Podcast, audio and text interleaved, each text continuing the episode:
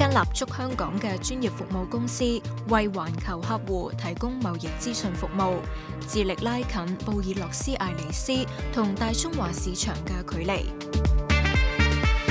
Hello，我是纳诺。chào, em là Lucy, là Nô Consulting. Là Nô Consulting, Kara, yêu cầu của ngài là gì? greetings from Nô Consulting. happy to Nô Consulting. 你好，欢迎来到 Nô Consulting。你好，歡迎嚟到眼歐咨询有限公司。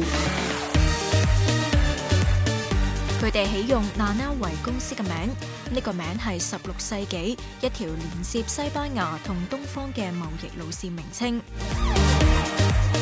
I saw the need of SMEs mainly from Latin America to have proper legal advice, but not only legal advice. I mean, the clients were looking for more. So if they were buying from China. they maybe would say, well, yeah, I'll invest in having a proper contract that I could be executing in China or in Colombia or Chile or Mexico. But could you also go and check that the factory actually is doing what they're supposed to be doing? This was the time to start a small firm that could have very professional, very serious services in favor of SMEs. Nanao Consulting 提供多元化企業服務，包括會計、國際貿易、法律諮詢、駐內地企業代表同大中華市場信息。風險評估亦係公司嘅優勢業務。Yes, well, the risk advice that we give them is to check the uh, compliance in Hong Kong, the regulatory uh, and the environment, the friendly environment to do business. The rule of law here is very strict, so that uh, mitigates the risk, and that's one of the, our main advice for the clients. 我哋比較上專業咧，就響嗰個商標嗰度啦，其他嗰啲都有嘅。第二樣嘢就係公司嗰個註冊啊，同埋誒日後嗰個服務。咁第三、第四咧就係、是、起咗間公司之後咧，其實會計啦，同埋嗰個報稅。整体都可以當係叫一條龍服務，咁佢可能會換股東咧，增加資本咧，有陣時會換董事咧，我哋都會幫佢手，咁就誒令到佢哋咧一定係要跟足香港嘅法例，好適當嘅時候去去報啦，同埋誒報道嗰個真實嘅嘢上去。香港係一帶一路倡議嘅樞紐。Chinese companies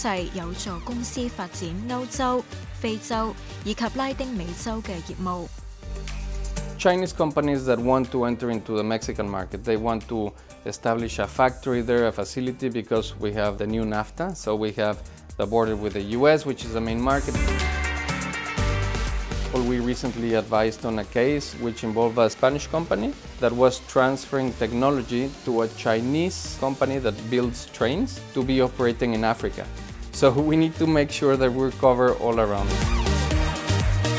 Our main clients are from Latin America, but we have some clients as well in the Middle East, uh, also in India as well. It's a big market. Most of them use Hong Kong as a platform. 香港嘅專業服務同國際接軌，成為企業走進內地大灣區市場嘅橋梁。咁香港已經變成一個發展成熟嘅地方咧，我哋嘅發展咧已經接近飽和。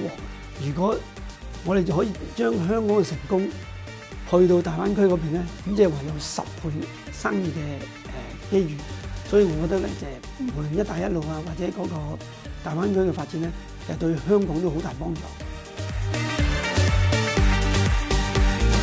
One of the cases that we have recently, it's a fruit company that they sell fruit around the world, so they are tapping the Greater Bay Area market. So they established in Hong Kong, so they take advantage of the having their bank account here, holding uh, their uh, funds in different currencies like USD or RMB. that is very useful for China. They get paid in Hong Kong and at the same time they can use the ports to get their products into China 香港金融体系完善，融资渠道成熟，自然成为企业集资嘅首选地为我觉得咧，香港一定系亚洲嗰个诶公司嘅中心嚟嘅。全世界嘅交易所啦，咁有四十七间，咁七间就好美国，就十四间好亚洲，就二十六间就好欧洲嘅。就咁纯粹睇翻我哋十四间亚洲嘅交易所咧，我哋香港其实嗰个上市公司嘅排名系走位啦。咁另外譬如话。舊年我哋新上市嘅公司咧，係全世界排第一嘅。Lenovo Consulting in Hong Kong，你好。